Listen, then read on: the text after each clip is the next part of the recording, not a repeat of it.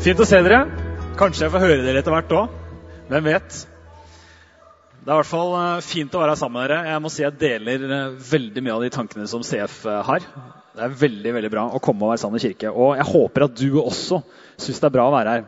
Hvis ikke så hadde du sikkert ikke vært her. Eller så har du veldig rar pliktfølelse for en venn eller en bestemor som ber for deg, eller et eller annet. I hvert fall, I dag så skal vi fortsette den serien vi har kalt 'Jesus er'. Og vi har denne serien ut fra følgende tanke. Uavhengig av hvilket forhold du har til personen Jesus Kristus, så er det et faktum at han har forandret verden mer enn noen annen. Det er også sant at de aller fleste de har et positivt bilde av hvem Jesus er. Men så er det også sånn at det er ikke slik at mange nødvendigvis forholder seg til den historiske Jesus. Veldig mange av oss vi forholder oss nok til en Jesus som vi sjøl har satt sammen litt. Det gjelder nok både kristne og folk som ikke er kristne. Og Derfor så har vi over noen søndager og skal fortsette til til sammen sju søndager å prøve å svare på følgende spørsmål. Hvem sa Jesus selv at han var? Hvilken teologi eller hvilken lære trodde Jesus sjøl på? Og I Johannes evangelium så finner vi syv påstander der Jesus kommer om seg sjøl. 'Jeg er'. Og det er nettopp disse påstandene vi ser på sammen i disse ukene. Og som alltid så stiller vi oss spørsmålet hva hørte de første menneskene som hørte dette budskapet, og hva kan vi høre i dag? Og Den påstanden vi skal se på i dag, den står i Johannes kapittel 15. Jesus han er vintreet. Nå vet ikke jeg hva ditt forhold til eh, enten Jesus eller Bibelen er. Men jeg begynner å se på meg sjøl som sånn passe rutinert. Et langt liv med Jesus. Jeg ble 25 på tirsdag, så da er det i hvert fall noen og 20 år. Ikke like nære i alle år, for å si det sånn, men det er sikkert noen som kjenner seg igjen i. Eh, men likevel så møter jeg veldig mange av lignelsene og fortellingene til Jesus bare nesten med mer og mer sånn undring, for det er så mye dybde i det. Og denne her er ikke noe unntak. Et vintre, liksom. Jeg har ikke snøring på vintrær, så jeg måtte dykke litt i dette her for å prøve å få en forståelse, i hvert fall sånn at jeg kan gi noe av kunnskapen videre til dere. Det jeg har mest peiling på, det er egentlig tresortene på Hedmarken. Og der er det fryktelig dårlig med vintrær. Sjøl om eh, noen har kanskje vært på Stange vestbygd, og de kaller det for Nordens Toskana. De ligger veldig fint når du ser østover mot Skreia. Og, ja, nei, vestover er det. Unnskyld. Gærne sida, som vi kaller det der jeg er fra. Eh, og jeg er egentlig litt glad for at Jesus bruker vintre, for jeg vet litt åssen ei gran er, eller åssen en bjørk funker. Et vintre det gir liksom litt mer dybde. Litt, det er litt finere, rett og slett, enn om Jesus kalte seg sjøl for det sanne grantreet. Bli i meg, så skal dere bli barnåler eller kongler. Det er litt, uh, litt diggere med druer og vin. Men grana den er grønn hele tida. Evig grønn, så den er ett poeng til grana. Han kunne kanskje brukt det. Som nevnt så skal vi se på den teksten gjennom litt forskjellige vinklinger. Vi skal se på hva de første tilhørende må ha tenkt, og så skal vi også se hva den teksten kan fortelle oss. Et greit sted å starte er jo med teksten sjøl. Eh, og det er en del tekst i dag, og jeg har valgt å ta med alt sammen. For jeg tror det er bra at vi leser litt Bibel sammen også. Så lukk øya, hør etter, eller følg med på skjermen. Eh, get comfortable. Og så kjører vi på. I Johannes 15 så står det Jeg er det sanne vintre, og min far er vinbonden. Hver grein på meg som ikke bærer frukt, tar han bort. Og hver grein som bærer frukt, renser han så den skal bære mer. Dere er alt rene pga. det ordet jeg har talt til dere. Bli i meg, så blir jeg i dere. Slik som greinen ikke kan bære frukt av seg selv, men bare hvis den blir på vintreet, slik kan heller ikke dere bære frukt hvis dere ikke blir i meg. Jeg er vintreet, dere er greinene. Den som blir i meg og jeg i ham, bærer mye frukt. For uten meg kan dere ingenting gjøre. Den som ikke blir i meg, blir kastet utenfor som en gren og visner. Og greinene de blir samlet sammen og kastet på ilden, og de brenner. Hvis dere blir i meg, og i mine ord blir i dere, be da om hva dere vil, og dere skal få det. For ved dette blir min far æret, at dere bærer mye frukt og blir mine disipler. Som far har elsket meg, har jeg elsket dere. Bli i min kjærlighet. Hvis dere holder mine bud, blir dere i min kjærlighet, slik jeg har holdt min fars bud og blir i hans kjærlighet. Dette har jeg sagt dere for at min glede kan være i dere, og deres glede kan bli fullkommen. Og dette er mitt bud.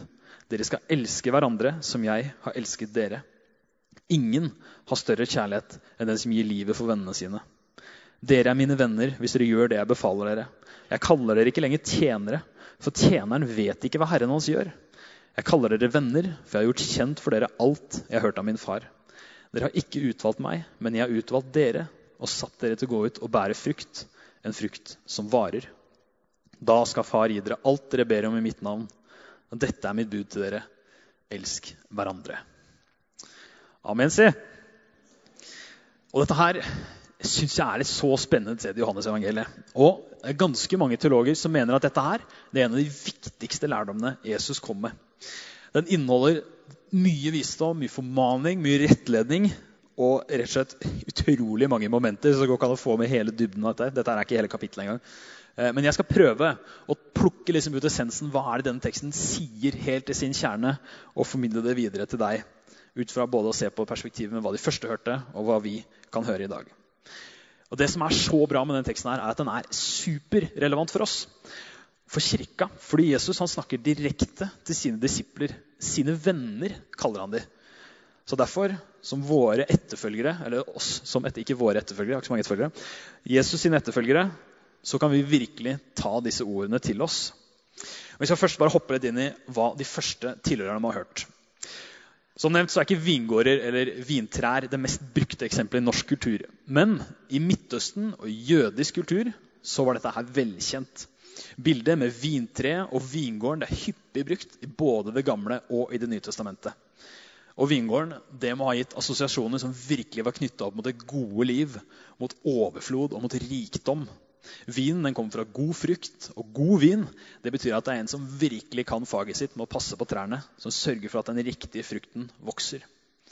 Fruktbarheten, overfloden, som en vingård står for, det var tett på den jødiske identiteten.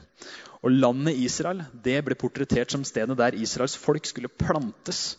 Landet det var vingården, og folket var vintreet. I Salme 80 så står det en vinstokk tok du fra Egypt. Du drev folkeslag ut og plantet den. Du ryddet plass for den, så den slo rot og fylte landet. Dette var Guds løfte til Israel, ett av mange. At de skulle få være vintreet i hans vingård. Og at de skulle få bære frukt, og at de skulle få bli mange. Det høres eh, veldig bra ut, og det er det også. Men som regel når dette bildet blir brukt i Bibelen, så er det ikke for å få fram Israels fruktbarhet og sunnhet. Tvert imot. Dette bildet ble stort sett brukt for å anklage Israels folk for å ikke bære den frukten Gud ønsker fra dem. I Matteus evangelium så gjør Jesus noe så sjokkerende at han forteller en lignelse der han advarer om at vingårdene kan bli tatt fra dem og gitt til nye hvis de ikke bærer den frukten som Gud ønsker. I Matteus 21 står det Guds rike skal bli tatt fra dere og gitt til et folk som bærer de fruktene som tilhører riket. Og dette her, det ville vært et sjokk for de første tilhørerne. Eller sjakk, som tante til Irene fra Sola sier. Hvis det er noen som har en tante fra Sola, så skjønner de hva jeg mener. Det er som å finne ut at unionsoppløsninga i 1905 den, den, er ikke gyldig. liksom. Vi er fortsatt delvis svensker. Sylvi hadde klikka helt. Og fariseerne de klikka når de hørte det, uten noe sammenligning for øvrig. Og denne påstanden her, det var blant annet noe av det som gjorde at Stefanus ble den aller første martyren i apostlenes gjerninger 7. Så dette bildet det jødiske folket har av seg selv som vintre, det er en av de virkelig tydelige markørene i deres identitet. Og I den teksten så gjør altså Jesus noe så vanvittig i deres øyne, men samtidig så avgjørende for oss. Han redefinerer hele vingårdsbildet som jødene har brukt i hundrevis av år. Israels folk det er ikke lenger vintrær som er planta i Guds vingård. Det er Jesus som er det ene sanne vintreet. Spørsmålet for Guds folk det er ikke lenger om de er i vingården, men det er er jeg kobla til vintreet. Er jeg kobla på Jesus? Med det her så bryter Jesus opp tanken om at vingården er et fysisk sted. Det er ikke landet Israel eller vingården som fører til frelsen. eller er kilden til. Det er Jesus sjøl. Med det her så er, sier Jesus at det er ikke lenger tempelet i Jerusalem som er den eneste tilgangen på Guds nærvær. Den er i ham. Tilgjengelig i Jesus Kristus. Og dette siste er jo faktisk grunnen til at vi kan sitte her i dag og kalle oss Guds barn. Ok, Det var litt sånn eh, bibelinfo eh, med litt historisk bakgrunn. Så De første tilhørerne dette her, de ville bare, de ville blitt veldig sjokkert og de ville antageligvis blitt ganske provosert over det Jesus sa. Men samtidig så ville det også blitt grepet av noe av liksom, det mystiske med det her. Mystikken i det Jesus prater om. Fordi hva vil egentlig si å bli i Jesus? Og hvordan kan jeg bære frukt, sånn som han ber meg om? Lignelsen den forsøker å si oss noe helt grunnleggende om tilhørighet og utgangspunkt for våre liv. Mange her, kanskje noen, har sett den gode gamle Disney-filmen om Hercules. Og etter min mening det er muligens topp tre filmer Disney har laga. Eh, det er en liten brannfakkel, men eh, vi kan ta diskusjonen etterpå. Eh, dette er ikke noe sånn reklame for gresk mytologi heller. Vi tror ikke på det her. Og så vet jeg heller ikke hvor mytologisk korrekt den filmen her er. Den har sikkert noe hull, men det er en bra historie med et fint poeng, så vi tar den likevel. Hercules som vi ser bildet, han er sønn av Sevs. Og Han viser tidlig at han har helt enorme krefter, en enorm styrke. Og Siden han er sønn av en gud, så er han også selv en gud. Og han har status som udødelig. Dette betyr at han hører hjemme på Olympus, fjellet der gudene bor. Men i en ond plan fra Hades, dødsrikets hersker, så forsøker de å ta livet av Hercules før han blir voksen og mektig nok til å hindre hans planer om verdensherredømme. Drapsforsøket det mislykkes, men det var ikke uten konsekvenser. Hercules har mista sin gudestatus og sin udødelighet. Og Dermed så mista han også retten sin til å bo sammen med sin far på Olympus. Men han hadde fortsatt styrken sin i behold. Hercules han måtte leve sammen med menneskene nede på jorden. Og han levde hele tiden med en følelse av at han ikke hørte til. Men en dag så møter han sin far. Og han, han skjønner hvem han egentlig er, og hvor han egentlig hører til. Han hører hjemme på Olympus, og han skal få en sjanse til å gjenopprette sin status som gud. Det eneste han må gjøre, det er å bli en sann helt. Eller en sann hero, en, som de sier i den norske versjonen. av en eller annen grunn. Vetle minna meg på slagordet 'fra zero til hero'. Det er kanskje det beste den filmen har bidratt med òg. Så da har du den. Det er mottoet i filmen. Og Hercules han setter i gang for å nå det målet her. Han eh, trener seg opp til å bli en av de største atletene verden noen gang har sett. Han bekjemper helt fryktelige monstre, som en seks år gammel Jørgen syntes var dritkult å se på. Og han redda mange mennesker fra den sikre død. Og han ble rett og slett en kjempestor stjerne i det gamle Hellas. Og Hercules tenkte sjøl nå har jeg det som skal til for å fortjene en plass hos min far på Olympus. Jeg har gjort det som trengs. Men Hercules han hadde misforstått.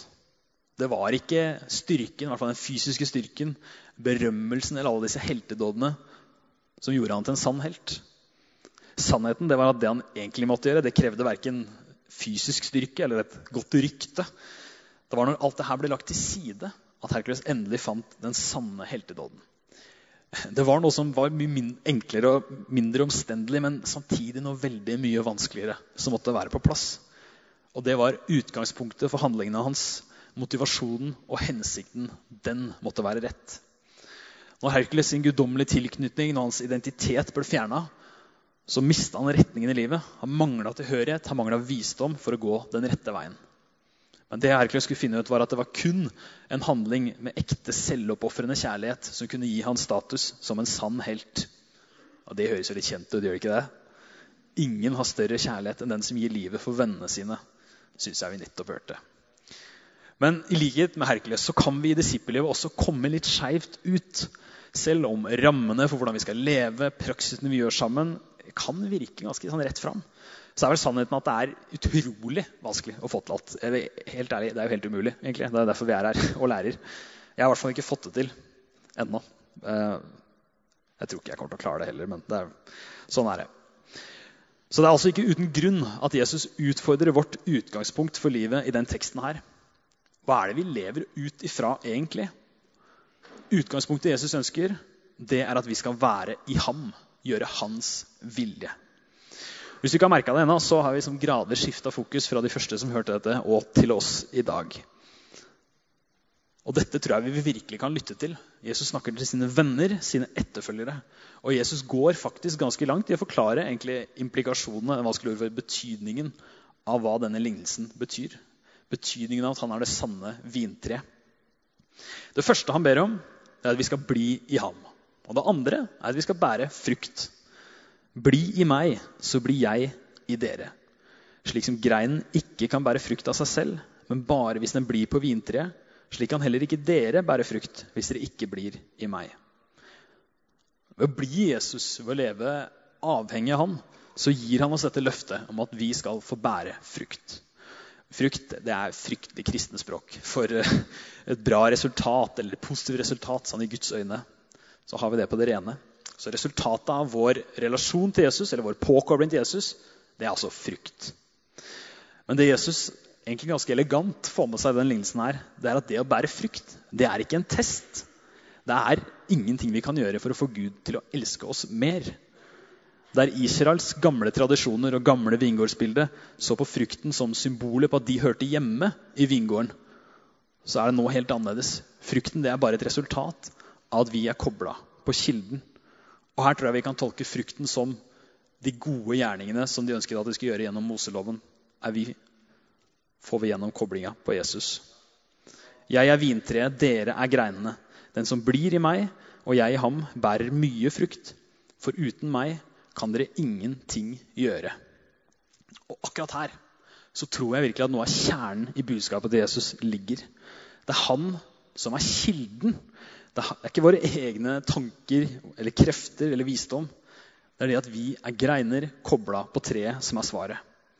Det er å leve et liv synkronisert med Jesus sitt hjerte. Og det er det å ha ham på innsida. Og nå må jeg stoppe meg sjøl litt. Fordi akkurat dette her, det har jeg hørt ganske mange ganger i en møtesal. Du må bare bli Jesus. Du må bare leve synkronisert med ham. Det er fett, men hva betyr det? Liksom. Hvordan kan jeg bruke det? Hva, og enda viktigere, liksom, hvordan oppleves dette her? Hvordan ser det ut i praksis? Og det er her noe av det virkelig vanskelige, men samtidig vakre ved kristen tro kommer inn. Fordi vi kommer ikke unna denne mystikken her i forholdet til Jesus. Det finnes en erfaringsdimensjon ved det kristne livet. Og akkurat det inviterer Jesus oss til å ta del i i denne teksten her. Og det kristne erfaringsdimensjonen det kalles for spiritualitet. Og for oss eh, vestlige, litt grå nordmenn, jeg strekker meg til å si det, så er spiritualitet et ganske fjernt ord. Er det ikke det? Og kanskje enda mer liksom en fjern opplevelse eller en fjern ting å være med på. Uh, en naturlig ting å tenke er litt sånn uh, kleine, rare spirituelle greier på åndenes makt. Eller uh, sitte med sånn glass på et bord på et duk og liksom flytte glasset rundt. Spiritisme, tror jeg det heter. Men det er dette her den kristne spiritualiteten ikke er. Det er ikke sjaman Durek ganger Lilly Bendris i det hele tatt. Det er snakk om et åndelig fellesskap i vårt indre. Et fellesskap der Gud tar bolig i oss. Og det er i opprettelsen av dette indre fellesskapet, det åndelige fellesskapet, at sann forvandling av mennesker faktisk kan skje. Og Dette her, det opplevde bl.a. Ester Gulshan. Jeg må bare beklage at uh, bildet som fins av henne på nettet, er tatt med en potet for 30 år siden. Men uh, det er sånn hun ser ut cirka. Og jeg vet ikke om du har hørt historien om henne, men Hun har skrevet en bok som heter The Torn Veil, som det går an å følge opp etterpå hvis du har lyst til å lese videre. Mm. Esther hun vokste opp i Pakistan. og Da hun bare var seks måneder gammel, så ble hun ramma av sykdommen tyfus. Og Pga. den sykdommen så ble Esther lam på halve sida av kroppen. Like etter så døde moren hennes, og hun ble værende sammen med faren. Og I et forsøk på å finne en kur for denne sykdommen så tok faren med Ester til England da hun var ca. 14 år gammel. Og I møte med en britisk spesialist så fikk de svaret. Det var ingenting han kunne hjelpe dem med. Det eneste de kunne håpe på nå, det var bønn. Ester og faren de var trofaste og troende muslimer. Og Faren han var sikker på at Allah kom til å helbrede henne. Ester hun ba selv hele tiden om legedom gjennom sine faste bønner. Men hun hadde ikke fått svar ennå. Hun og faren dro sammen på pilegrimsreise til Mekka. og Ester ble trilla rundt Kabaen i rullestol, den svarte kubben i Mekka, i håp om at hun skulle bli helbreda. Men heller ikke der så skjedde det noe. Og brått så dør faren til Ester. Og med det så forsvant hennes siste vilje til å leve. Hun hadde vært en krøpling så godt som hele livet sitt. Hun hadde aldri gått. Moren hennes var borte og hadde vært borte omtrent hele tida. Og nå var faren borte. Det var ikke mer å leve for. Hun ropte ut til Gud. 'Jeg orker ikke leve mer, Gud. Alt sammen er blitt tatt fra meg.' Og der det tidligere hadde vært helt dørgende stille, så hørte Ester en stemme. 'Jeg vil ikke la deg dø.' Hvem var det som helbredet de syke? les om meg i Koranen. Hun fikk tydelige instrukser om hvor i Koranen hun skulle lese. Og ettersom Ester begynte å lese om Jesus i Koranen, så vokste både interessen hennes og troen hennes. Hun begynte å be i Marias sønns navn, Isa. Isa er Jesus på arabisk. Og etter tre år i bønn om helbredelse, og bare berømme Ester for trofastheten hennes, så skjedde det noe. Endelig. Midt på natta så ble rommet hennes fylt av et voldsomt sterkt lys. Og hun så 13 menn inne på rommet sitt. Personen som sto i midten, han strakk ut hånden sin og sa, 'Jeg er Jesus, Guds sønn. Reis deg og kom til meg.' Og Ester ligger i senga og sier, 'Jeg er lam, jeg kan ikke.' Og han sier igjen, 'Jeg er Jesus, kom til meg.' Og Ester ruller ut av senga og faller i bakken. Og i et øyeblikk så blir hennes syke side helt lik den friske. Muskler som aldri har vært der før, sener, vev som aldri har vært der, var nå helt identisk med den friske sida. Og Jesus ba henne reise seg, og Ester gjorde dette for aller første gang. Og Han la hånden på hodet hennes, og så velsigna han henne. Og så lærte han henne Fader vår. Og Ester har aldri møtt et kristent menneske. Hun har aldri sett en bibel engang. Men Jesus han forlot henne ikke før hun kunne den bønnen utenat. Og før han forsvant, så sa han, 'Du skal være mitt vitne'. Og Ester hun har dedikert sitt liv til å vitne om hvem Jesus er, og hva han har gjort for henne. Og hun fikk et vi kan jo si det sånn, det er et passe kraftfullt møte med Jesus. Omtrent sånn som de vi leser om i Bibelen. faktisk. Og På samme måte som historien i Bibelen så er det i møte med Jesus og berøringen fra han som forvandler mennesket. Kroppen hennes ble lekt, øynene hennes ble åpnet, og livet fikk igjen mening og lys. Forhenget revnet, som hun sier. Jeg kunne endelig se igjen. Det finnes en overnaturlig dimensjon med det å følge Jesus. Det er ikke bare å, leve rett, selv om det er viktig å prøve å strekke seg etter. Det er ikke bare å tenke rett eller vite hva som er rett å tro, selv om det også er viktig. Men det er akkurat det her at den kristne troen skiller seg fra bare en bra sosiologi, fra et bra livsmestringskurs og en klubb. Det er ikke bare riktige tanker og praksiser som gjør oss bedre. Det er ikke bare å følge en oppskrift på det gode liv, så skal du bli lykkeligere, så skal du bli et bedre menneske. Det kristne livet det må ha en spirituell og en ikke målbar dimensjon. Jesus han ber oss om å bli i ham. Ikke nødvendigvis for at du skal bråvåkne med 13 karer på rommet ditt inn på natta. Men fordi det er kraften og kjærligheten fra Jesus som er det livsforvandlende. Ikke våre riktige gjerninger eller tanker. Det er påkoblingen til Jesus, vintreet, som er utgangspunktet vi skal følge. Og spiritualitet det er, det er, kjempevanskelig. Jeg kvier meg litt for å ta det opp, fordi det er utfordrende. Og kanskje nettopp fordi det er så vanskelig å måle det. Hva er riktig innfallsvinkel? Hvordan skal dette føles? Jeg har spurt meg sjøl ganger hva jeg egentlig tror. Hvordan vet jeg at jeg tror? Hvordan skal det kjennes ut? Er tro bare er en følelse på innsida, eller er det en tanke, eller er det en innstilling? Og jeg tror at ganske mange avskriver seg sjøl som spirituelle kristne fordi vi er usikre på hvordan det her skal oppleves. Og Fasiten det er ikke nødvendigvis et fysisk møte med den oppstandende Jesus eller bare den ene stille bønnen før eksamen. Spiritualiteten, greia med det, det er ikke et spørsmål om sterke følelser, sterke opplevelser, rå helbredelser. Spiritualiteten er et spørsmål om tilkobling. Om man er kobla på kilden. Mange her de har sikkert prøvd å be om eh, helbredelse for seg sjøl eller for andre. Jeg har gjort det mange ganger, og jeg har også blitt eh, bedt for en del ganger. Med varierende hell. må jeg innrømme. Men jeg har opplevd at det har skjedd ting òg. Men en god kompis av meg han fikk seg en skikkelig skikkelig krasj på det her for en god del år tilbake.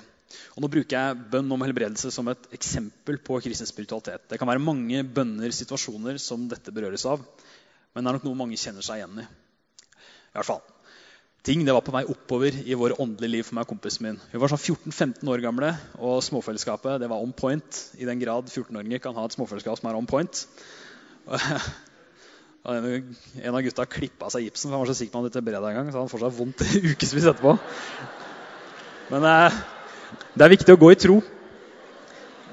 Eh, men vi hadde både opplevd og sett at Den hellige ånd virka i oss og i mennesker rundt oss. Og på Get Focus det året, en ungdomsfestival i Tønsberg, så var høydepunktet du kan tenke deg, Gira gutter i hormonrus på Jesus og hunnkjønn. Vi kunne jo ikke vært mer på rett sted enn akkurat der. Og Under kveldsmøtet den dagen så kjente vi Gud veldig sterkt. Og vi bestemte oss vi ber for en kompis som vi vet hadde store problemer med ryggen.